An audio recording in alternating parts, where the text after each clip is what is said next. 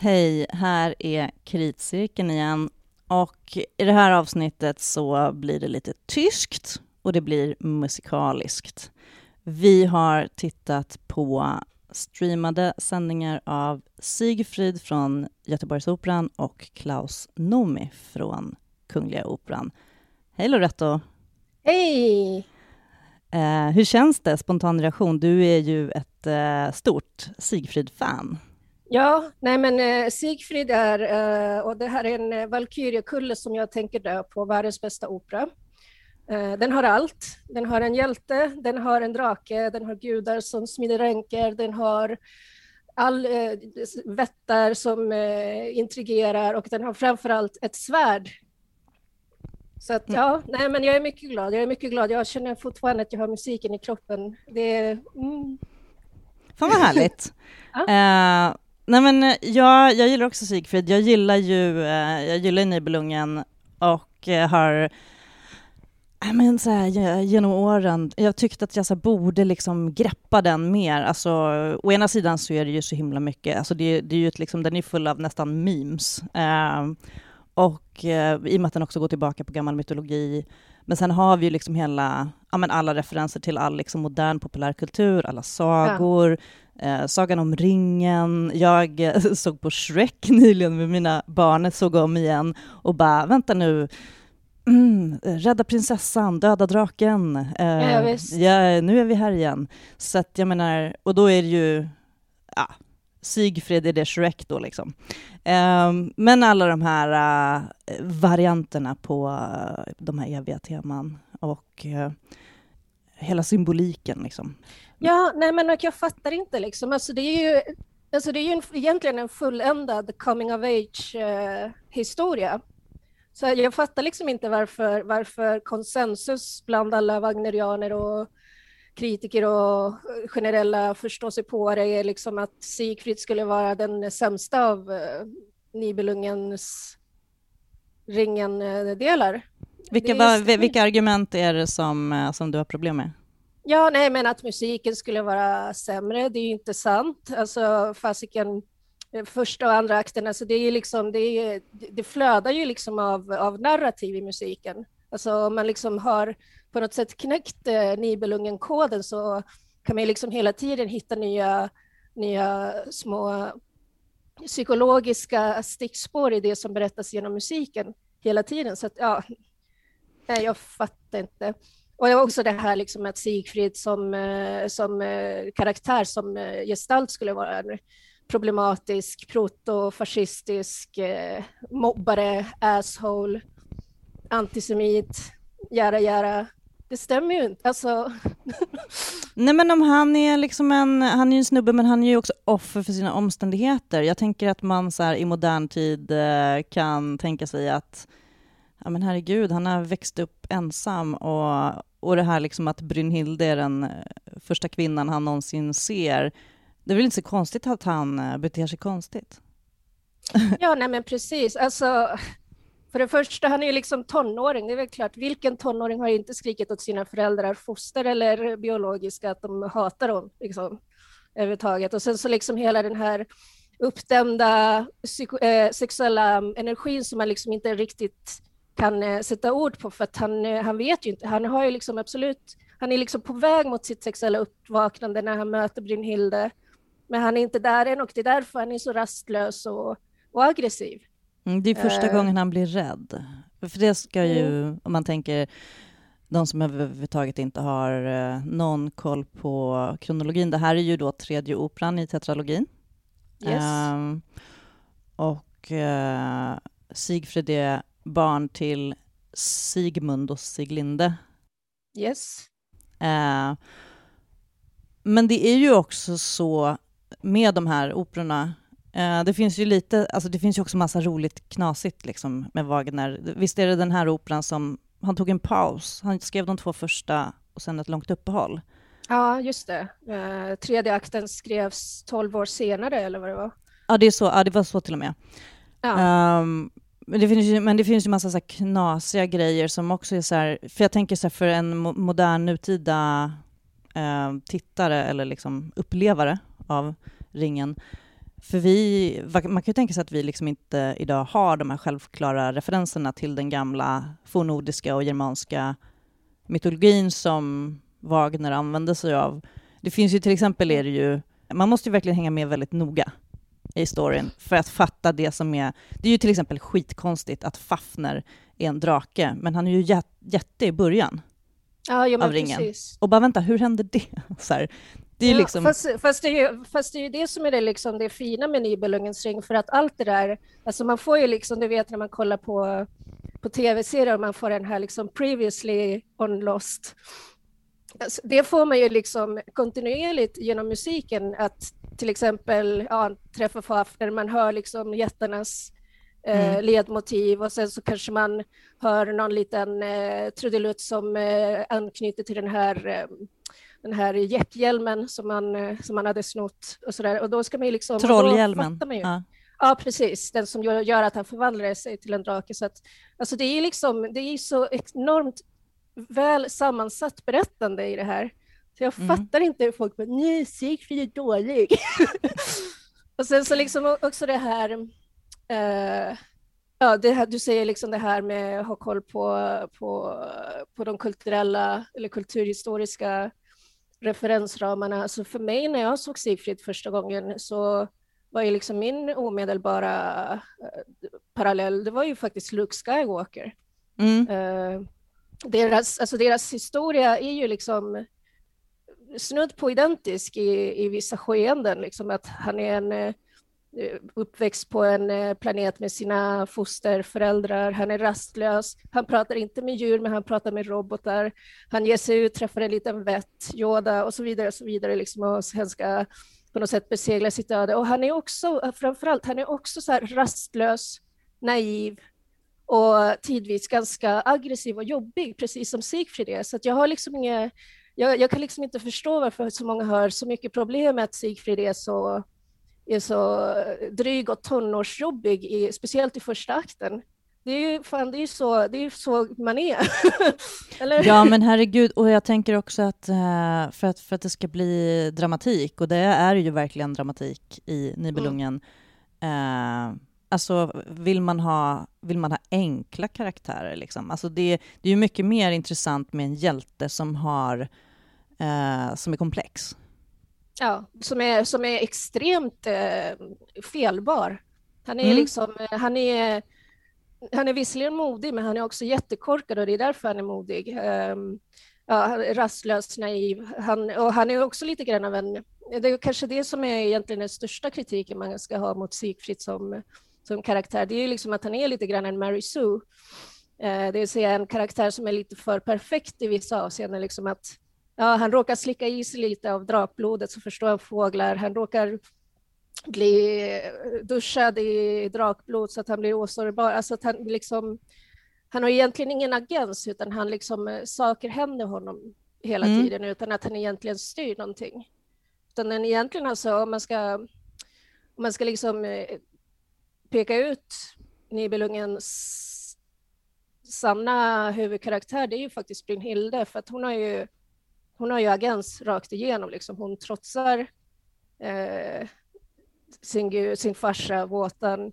Hon är liksom, eh, även om hon blir satt på en klippa så ber hon eh, sin farsa liksom i någon slags försonings eh, eh, ögonblick att, att bara, den, bara världens modigaste man ska kunna väcka henne från klippan och så vidare. Och sen så hämnas hon. Alltså hon är liksom en extremt väl sammansatt person som är liksom mm. också inte perfekt. Hon är trotsig, hon är svartsjuk, hon är kanske lite, vad heter det, ärelysten och så vidare och så vidare. Så att, ja. Ja, men plus att hon också är, hon har ju de här liksom konstiga idéerna, eller jag menar överhuvudtaget så här är ju, om man ska ta kärlekstemat då, eh, så är ju, har ju båda en jävligt konstig idé om vad det är. Hon har ju suttit och älskat honom, eller vad säger hon, älskat honom innan hon ens har träffat honom. Ja. Eh, och bara, varför gör man det liksom? eller så här, så här sjukt. Och, eh, och han liksom när han träffar henne första gången så är det liksom den, den första kvinnan han någonsin ser, eller hur? Ja. Uh, det var det som jag tyckte var lite så här faktiskt, för det här var ju en, eh, på Göteborgsoperan, det var ju en eh, corona-anpassad mm. föreställning, så att sångarna höll ju distansen nästan, alltså ja, he mm. hela tiden. Um, och det funkar ju, för att alltså, det är liksom en stor scen, mycket plats, mycket rymd liksom, och det är ofta att, att, att sångarna står långt från varandra på scenen.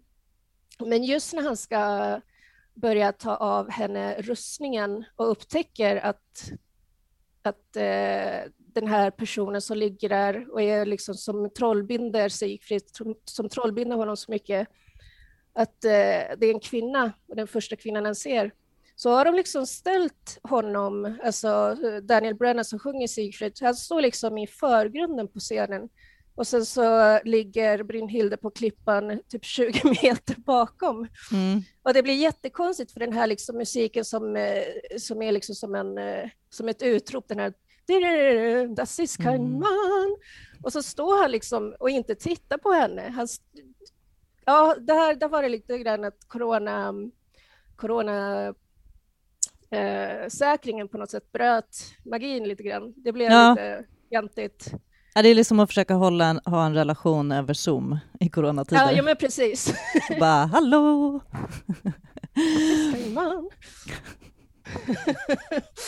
uh, men, och sen om vi ska ta någonting om hela liksom, tolkningsgreppet i Steven Langridge som har gjort den här uh, och satt den i en um, så skrotupplags, liksom, man ska säga miljöförstöringsvinkeln är ju inte ny på Nej. Nibelungen.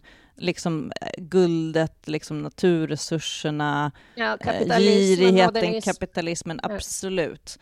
Ja. Uh, men jag kan också tycka att även om man kanske har sett det förr, så, så är det, det är liksom för uppenbart. Alltså man kan nästan, alltså det är klart att man kan göra en helt stiliserad, liksom. men, men mm. den ger ju också Nibelungen relevans. Um, det är ju alltså alltid en massa varenda gång Wagner ska sättas upp så kommer det så här, ja men äh, nazismen och äh, ja. fascismen. Och det är ju, ja det, det är liksom, man behöver, man, det är klart att man måste beröra det. Äh, måste man det? Ja. Att, att, att, Hitler lyssnade på Wagner är ju inte Wagners fel och sen så visst han uttryckte antisemitism. Uh, men det här är musik och det här är konstverk och hela, ja men vad fan, det är väl någonting som är bara, det, det brinner ju i huvudet i vår tid, så kan man inte skilja på eh, på verk och person tydligen. Ja, men jag tycker också att det är lite grann att underskatta de här, eh, de här arketyperna, för de är, alltså Wagner har ju faktiskt inte copyright på, på de här arketyperna lika mycket som att Disney skulle ha copyright på prinsessmotivet. Alltså de här, de här motiven är ju liksom mycket mer allmänmänskliga än så. Sen så liksom att bara för att Wagner gick och hade någon så här fantasi om ett rent Tyskland eh, som på något sätt Sigfrid fick personifiera Alltså, det är, that's on him liksom på något sätt. Um, och han levde i en tid där det eh, kanske inte var så ifrågasatt. Alltså nu nej. är det väldigt mycket som har hänt sedan dess. Uh, och man kan inte ens, men det är klart att man kan hålla på med tankeexperiment. Skulle Wagner ha gjort och sagt det han sa om man levt nu och efteråt och vetat alltihopa? Men det är ju liksom, uh, det är en sån jävla hittepå filosofisk fråga och det kan man inte veta liksom. Nej. Um, och vi vet väldigt mycket nu. Men, uh, men däremot liksom att jag har så svårt Alltså det är klart att musik, man alltid tolkar in saker i musik och det finns budskap, men jag har också lite svårt att se um, så konkreta budskap uh, läsas rakt in i musik, för musik är någonting annat. Um, det ska väcka känslor och sådana saker. Och sen handlar ju det om uh, faktiskt så här, vilka känslor, saker, konst, musik väcker i mig. Det är ju, någon, mm. det är liksom, det är ju det är någonting som jag får hantera. Uh, det ja, är som precis. att säga att jag kan inte lägga över ansvaret för uh, hur jag känner på någonting annat, utan jag får I have to deal with it. Liksom. Ja, precis. Så det kanske också går lite grann att knyta an till, eh, till den här diskursen om att Siegfried skulle vara dålig, alltså som opera. för mm. att när, när, eh, när jag upplevde Siegfried för första gången, det var ju när SVT sände Staffan Valdemar Holms Just det. Eh, när det nu var 2008 och jag hade däckat i soffan för att jag hade jobbat öppning på Hamburgerhaket där jag jobbade. Och så, så liksom tvn rullade och plötsligt så vaknar jag, liksom, eller jag känner liksom musiken i, när jag sover. Eh, Som Brynhilde. Ja, nej men ja, faktiskt. Jag var en Brynhilde. Jag kände liksom musiken medan jag sov i, under första akten och sen så plötsligt så, så vaknade jag liksom med ett våldsamt tryck när de började hamra i, mm. i, i stålet. När I städet, de, ja. ja, alltså det var liksom så här och jag var så här vad är detta? Det här vill jag ha mer av. Och sen så liksom såg jag klart på det och sen så efter det så gick jag och köpte eh, biljetter till Götterdämmerung. Så det var liksom, det var ju alltså, och då visste jag liksom inte om den här, den här konsensus om att Sigfrid skulle vara dålig, utan det här var ju liksom, det här var liksom någonting som jag upptäckte själv. Så att mm. det, ja. Fin historia. Det Thanks for sharing. Ja, varsågod. Det var fint att inse att nu, nu tror jag att jag faktiskt ändå, som din, som din oombedda terapeut här, ja. jag fick en nyckel här till att det, det är du som är Brynhilda. Ja. Någonting som jag tycker är kul, eftersom du är bättre på det här, jag har ju, liksom, jag har ju sett eh, Nibelungen, eller olika delar och sådär, um, och försökt, liksom, försökt greppa. Jag tycker att det, liksom, som sagt, det, det är så mycket att hålla reda på och alla de här ledmotiven. Jag tycker det är skitspännande. Man skulle kunna, alltså jag skulle typ vilja gå en sommarkurs i, i Nibelungen liksom igen och bara mm. lära mig uh, mer faktiskt. Men, men någonting som jag tycker är så här små, det finns ju så små roliga grejer med Nibelungen som den har, de har olika, ja men typ i Valkyrien är det hoj hå och typ här är det hi och ha. Men du vet, de här lite olika varianten på ropen. Har du liksom, har du registrerat dem? Eller? Ja, just det. Det finns liksom hoj, ett hoj och och sen så hohaj, hohaj. Hohaj är det i Sigfrid. I, I Sigfrid och också hans, um, hans horn är också en, ett, ja. ett rop. Ja, just det. Mm. Hornet var ju en, alltså det var med på ett skrotupplag i första akterna. Mm. Uh, och hans horn då är ju någon sorts liksom... Um, ett cykelstyre? Ja, någonting av typ cykelstyre eller något rör av något slag, någon, någon skrotkonstruktion. Ja. Uh, som man ska stå och blåsa i och då är ju musiken är ju parallell, alltså det, det riktiga musikhornet är ju i ja. kulissen liksom. Men han står och blåser i det här. Tänkte ja. du på det? På hur myckningen var av det, då hörde man ju han så här, puff, puff. Alltså att de, inte, ja. att de inte kunde typ dra ner det ljudspåret. Jag undrar lite ja, hur de har... Det hade de ju kunnat göra, för samtidigt, jag, vet, jag tycker att det där stör mig faktiskt inte så mycket, för att det är ganska konventionellt med Sigfridar, att de står där och blåser på scen. Mm. Liksom, även när man sitter live och att man hör liksom hur de fräser i det där tutan och sen så ser man liksom den riktiga horny hårniga i, i kulissen. Ja, precis. Men jag tänker att i en, eh, om du är liksom på i en operasalong så, så, så kommer det riktiga hornet och dränka det där, puff, haffen en puffin. Uh, ja, kanske, inte nödvändigtvis. Alltså. Nej, men det var mer en sån där teknisk detalj som jag tänkte på. Nej, men jag funderade lite på, för jag tycker att det var jävligt bra ljudkvalitet i den här. Uh, eloge. Uh, ja, mm, fast... Ja. fast, och vilken kardinalmiss de gjorde att inte, att inte testa mixningen på på städet ordentligt, för att det dränktes ju totalt. Ja, eh, och det är också liksom så här, med tanke på att, eh, på att hela uppsättningen var baserad, liksom, eller liksom inramningen var, var skrot och skräp, att man liksom inte kunde, inte visste hur man kunde tillvarata på liksom skrotets mm. fulla, fulla klang, så att mm. säga. Um, det var faktiskt en eh, riktig miss, alltså, som till exempel, ja, som i den här Staffan Valdemar Holms mm. när jag vaknade, alltså, då, var det ju liksom, då small det ju ja. från tvn så att man liksom fick ont i tänderna. Och det, ja. det saknar jag lite. Det var liksom klantigt. Alltså, ja, nej men man... precis, det var, det var rent, precis. Men jag tänkte just på själva upptagningen på liksom uh, utljudet för, men sen så är det som vi pratat om förut, uh, en sån här, som jag tänker det måste vara skitsvårt att göra, alltså, för jag tycker mycket opera blir ganska bra uh, på skärm om bara ljudet är bra. Och de mm. operahusen som gör sändningar är är liksom ganska bra på att hålla kvaliteten. Däremot så är det ju skitsvårt att veta hur publiken lyssnar, för att vissa lyssnar ju en dator med datorljud, högtalaren. Mm. Och då låter ju allting skit. Då låter ju allting ja. liksom platt och så skruttigt. Uh, men om man liksom hade, som jag hade, liksom, man har bra lurar, mm. så, så tyckte jag ändå att det var fint och, och också bra bildkvalitet. Men jag funderade på, Uh, jag satt faktiskt och retade lite på kameravinklarna, för det var ganska många åkningar som kom så snett uppifrån. Tänkte du på det? Nej, det gjorde jag faktiskt inte. Men så att man fick ett litet så här, äh, fågelperspektiv halvdök ner. Och nu, nu kanske jag är så bortskämd, men jag sitter ofta på bra platser när jag är på Operan. Att man ja. sitter, sitter man på parkett eller på första raden så har man liksom Um, nu är det här Göteborgsoperan också, en lite annan uh, salong. Mm. Men, uh, men att det var lite så här som att vissa vinklar så satt, ja, men, satt jag då, eller så kände jag att jag satt typ på tredje raden uppifrån. Och då ser man ju såklart, jag tänkte att det kan vara en idé att man ville visa scenografin uh, bättre.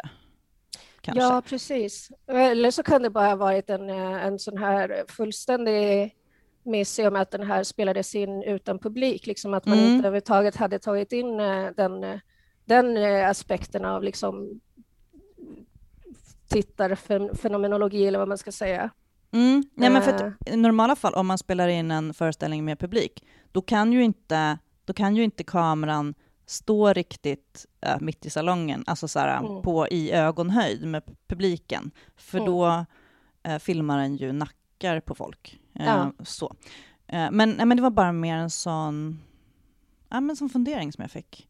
För jag tycker att det gör väldigt mycket med, med, med men annars så tycker jag att ganska mycket av liksom skiftningarna, närbilder och sånt var, gjorde det här väldigt bra. Vi pratade om attention span eh, mm. förut.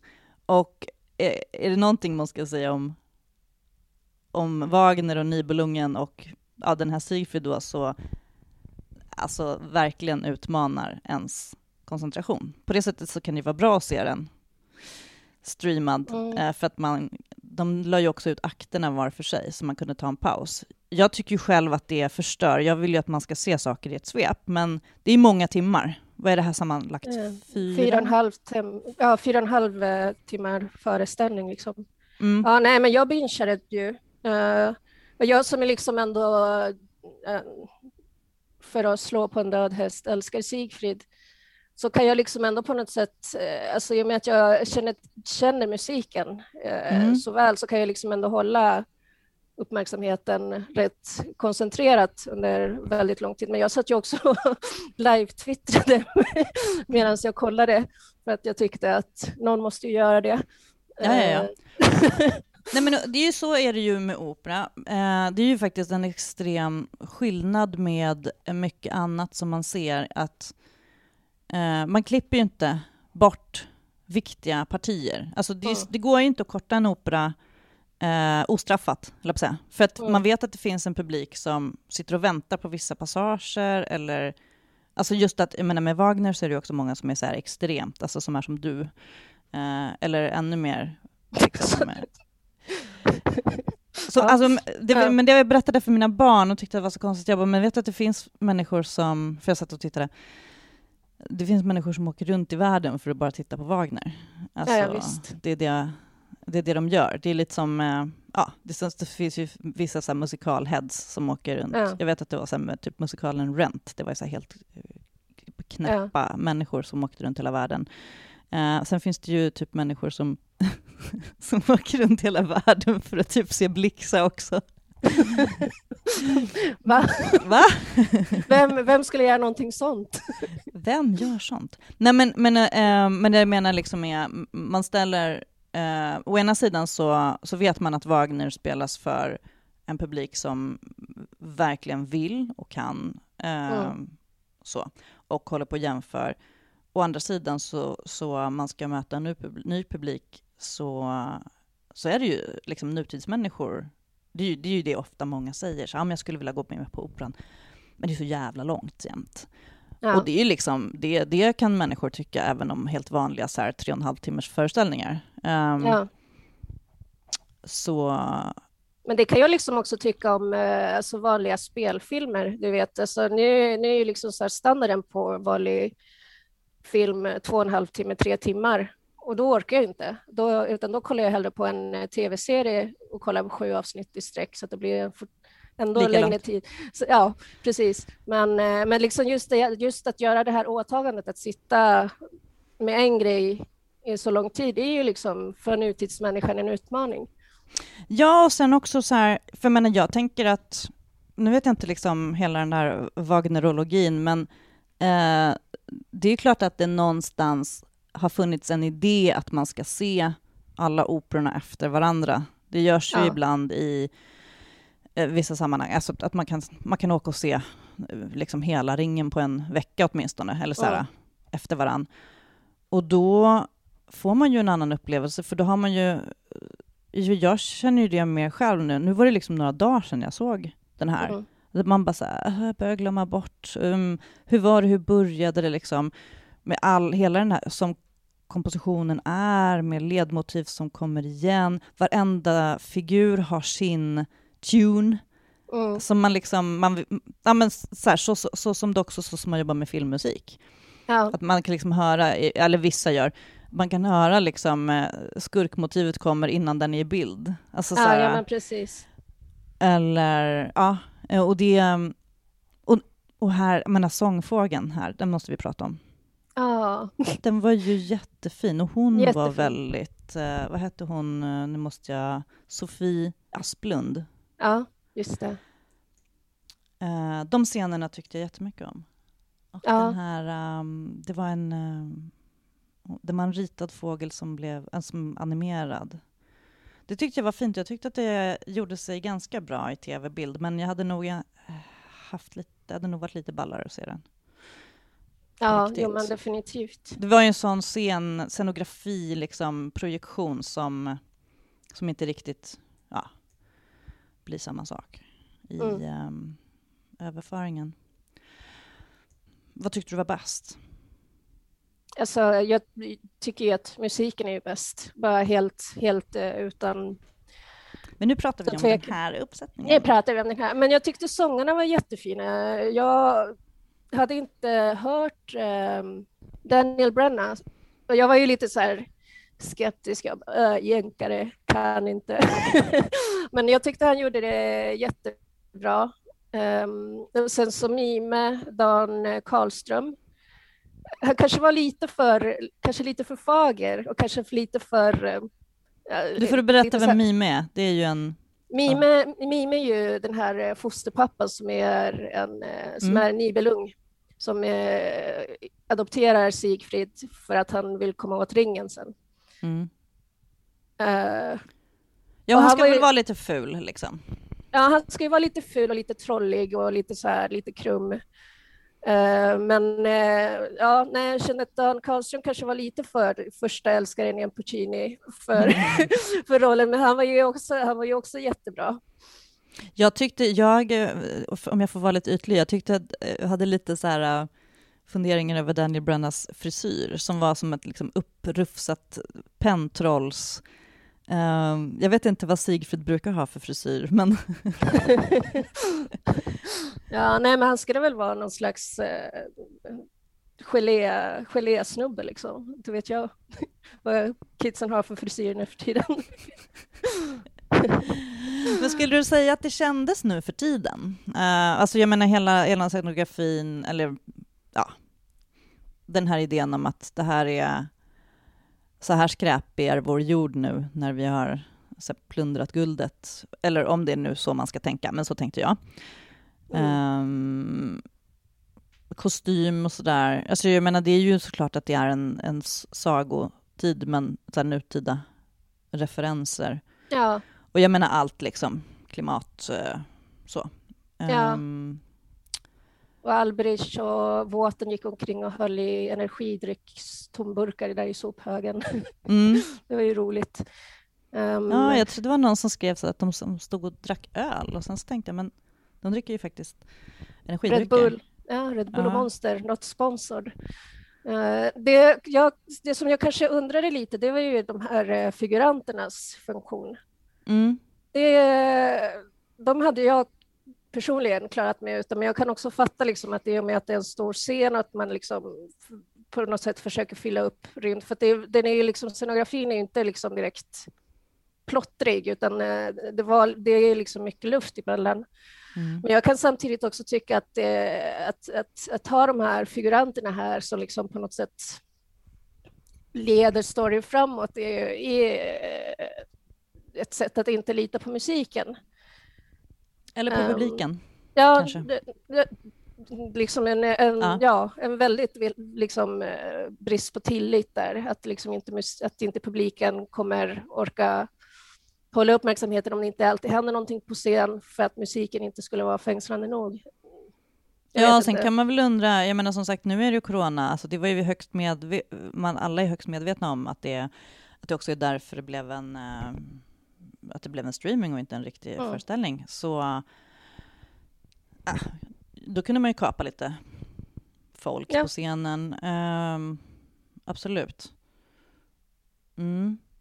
Och nu är det ju tyvärr lite så att den inte ligger kvar så man kan titta på den. Men det är möjligt, alltså den finns ju inspelad så att jag vet inte hur, hur de gör. De kanske plockar upp den och lägger ut den igen eller hur det funkar.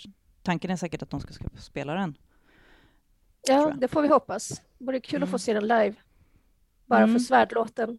Um, men en annan sak som faktiskt ligger kvar, vi har ju sett uh, Klaus Nomi också och den uh, ligger fortfarande kvar på SVT Play. Så um, Ehm, um, för att göra en liten övergång här i det tyska. Um, du hade koll, du liksom, uh, hade koll på Klaus Nomi, du har följt Klaus Nomi som, som en gammal gothare, eller? Inte som en gammal gothare, men som en liksom... Uh, jag tror liksom att det var, uh, ja, vad ska man säga?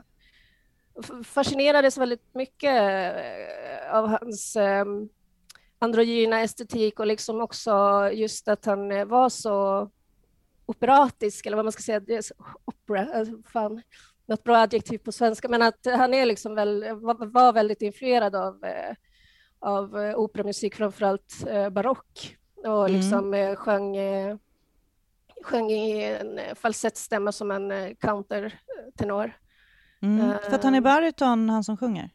Ja, Um, Rickard Hamrin. Mm. Faktiskt, jag måste ju säga, det, jag tänkte, jävla, för, för att säga som, eh, som en gammal mormor skulle säga, vilken jävla pipa han har. Verkligen. Eh, det tyckte jag var faktiskt, jag hade jättemycket förväntningar på den. Jag hade ju velat se Claes Noomi på Operan i Rotundan.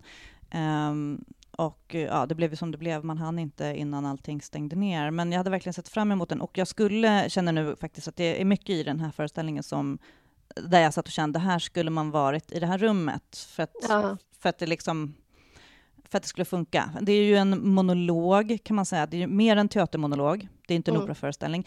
Jag trodde lite grann när, när, de hade, när de lanserade den så trodde jag faktiskt att, de skulle, att det skulle vara en nyskriven monologopera åtminstone med mer nyskriven musik, men det är ju mycket, det är mer som en musikalisk föreställning. Ja, ja men precis, och där man liksom eh, har eh, bearbetat egentligen Klaus Nomis repertoar för en lite, var en stråkkvartett, kvintett mm. och klaviatur, piano och synt. Um, så ja, nej men eh, alltså, tyckte det var ju fint, men alltså, för min del, behållningen var ju faktiskt Rickard Hamrin. Jag har Alltså, lite grann att han kanske blev lite typecasted för att han, eh, han snodde ju showen som eh, en androgyn prostituerad i Tolvskillingoperan häromåret på Folkoperan. Just det, men han gjorde han inte Sjörövar Jenny? Nej? Nej, utan en av de prostituerade. Och, och, och liksom verkligen eh, andlöst showstjälande liksom, den gången. Ja, men och det var ju, alltså jag, jag, kände också, för att jag, har vi pratat, vi såg inte den ihop va? Nej. Nej, för jag kan bara känna, vi har inte pratat om den.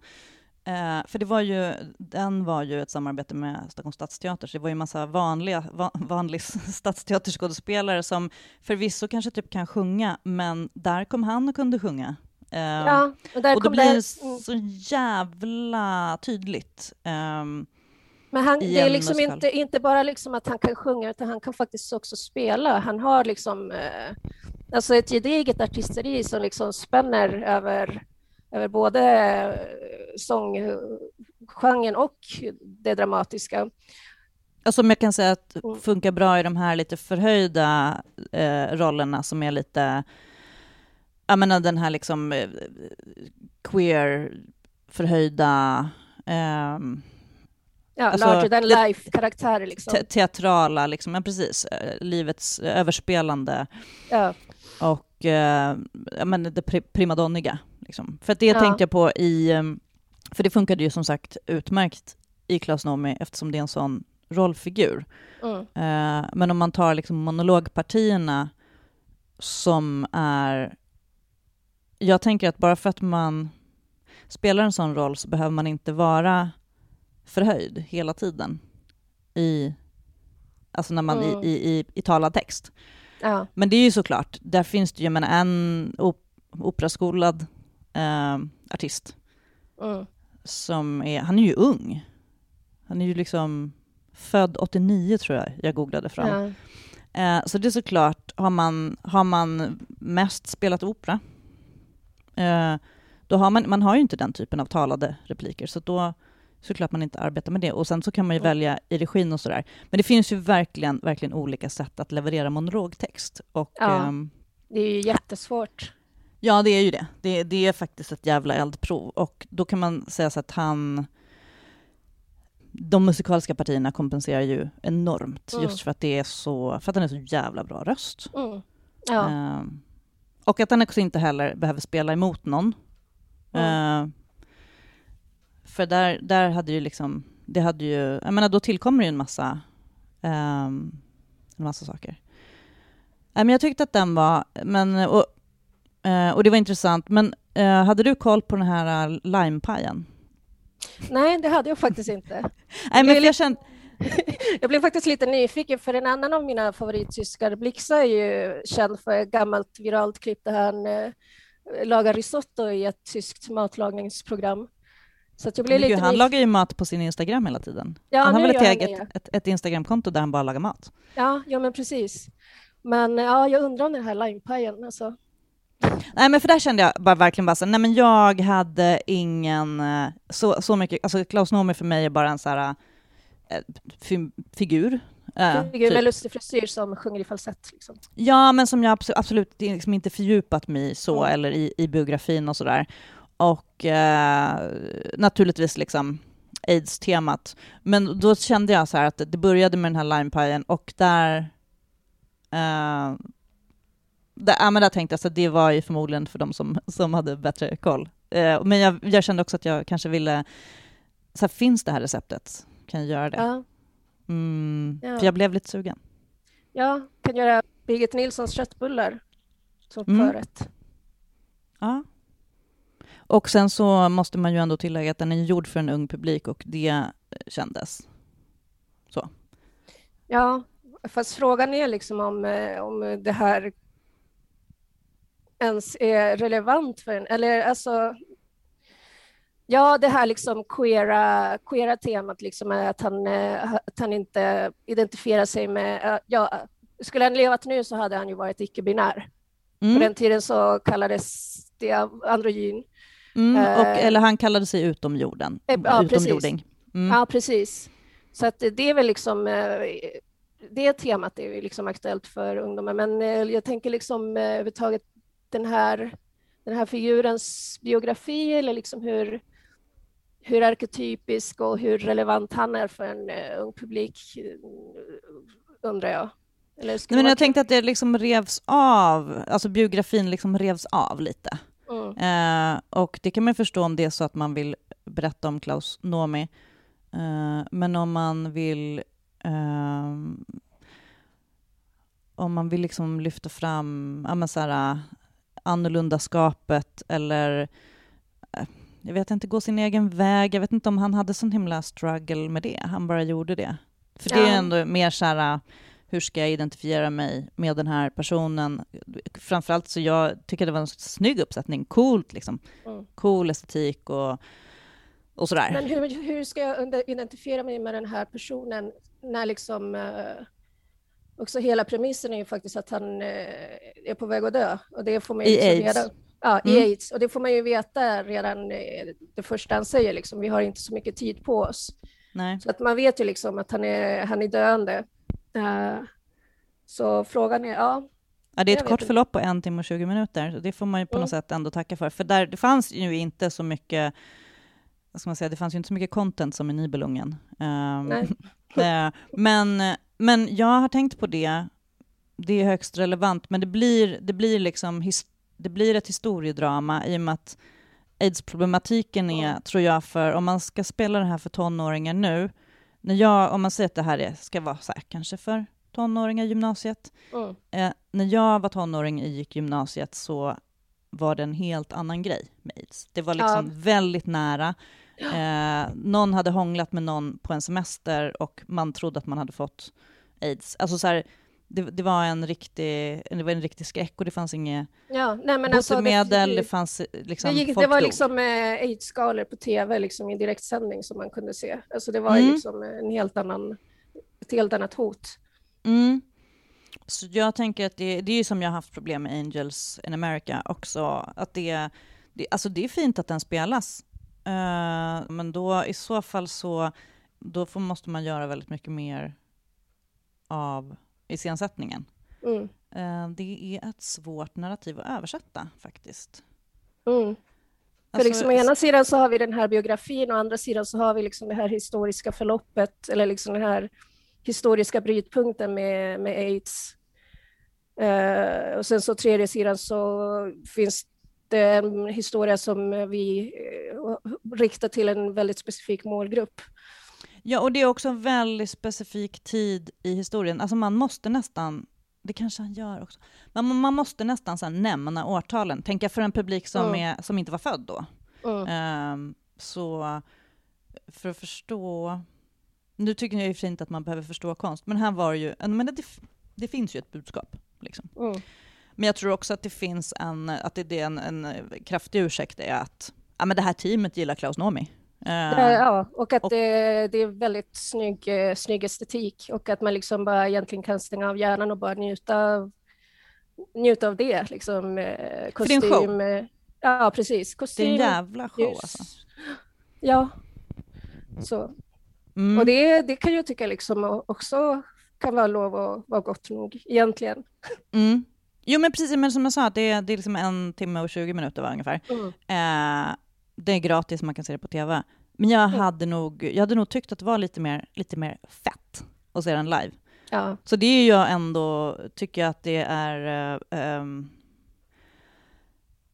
det är en eloge till Operan att göra de här typerna av föreställningar för alltså Unga Operan mm. ändå.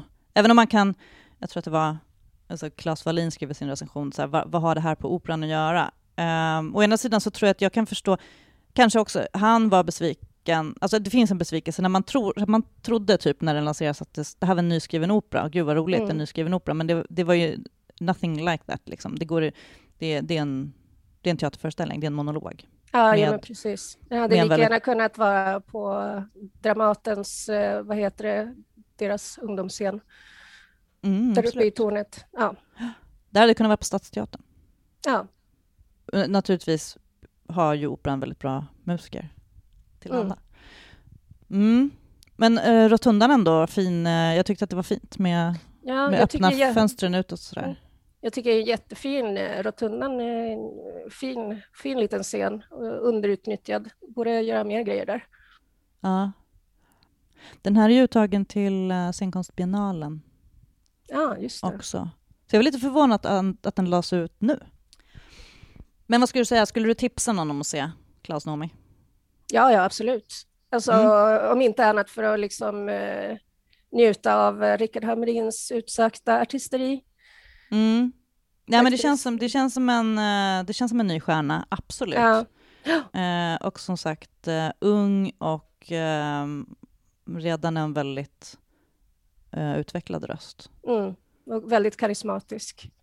Jag är så jävla svag för Purcell. Eh, Ja. Alltså barock. Den här, eh, vad heter den här, kung... Cold. Eh, just Song. det, I'm, I'm so cold. Ah, Cold song. det. ehm, där skulle jag nog säga att jag tror att det gick igenom rutan ganska bra. Mm. Rakt, rakt in i mina armhårstrån. Mm. Jättefint. Mm. Så det var härligt. Ehm, men du, vi säger så så länge Loretto eh, och hoppas på nya gåshudsupplevelser i en nära framtid. Ehm, har, du, har du någon koll på någonting som är på gång som man kan se? Eh, ja, man kan ju se serotonin, eller- fast det kanske, den kanske hinner ta slut innan... Har den, eh, har den, är den utlagd? Ja, till och med 4 april. Ah, att, den har jag redan recenserat i Aftonbladet. ja, jag håller på Eh. och kollar på den Ja, och läser boken samtidigt. fantastisk bok. Ja. Eh, men den skulle vi ju kanske hinna prata om. Ehm, det kan vi göra nästa gång, Mm. när det nu blir. Mm. Men eh, tack så mycket för att ni har lyssnat på Kritcirkeln igen. Jag heter Cecilia Djurberg. Tack Loretto Villalovas Tack. för eh, dina insikter om Sigfrid. Ja, jag kan allt. Eh, ja, härligt. Vi hörs igen och om ni vill oss någonting så går det jättebra att mejla oss på podden kritcirkeln.gmail.com eller leta upp oss i sociala medier. Tack för att ni har lyssnat. Hej då!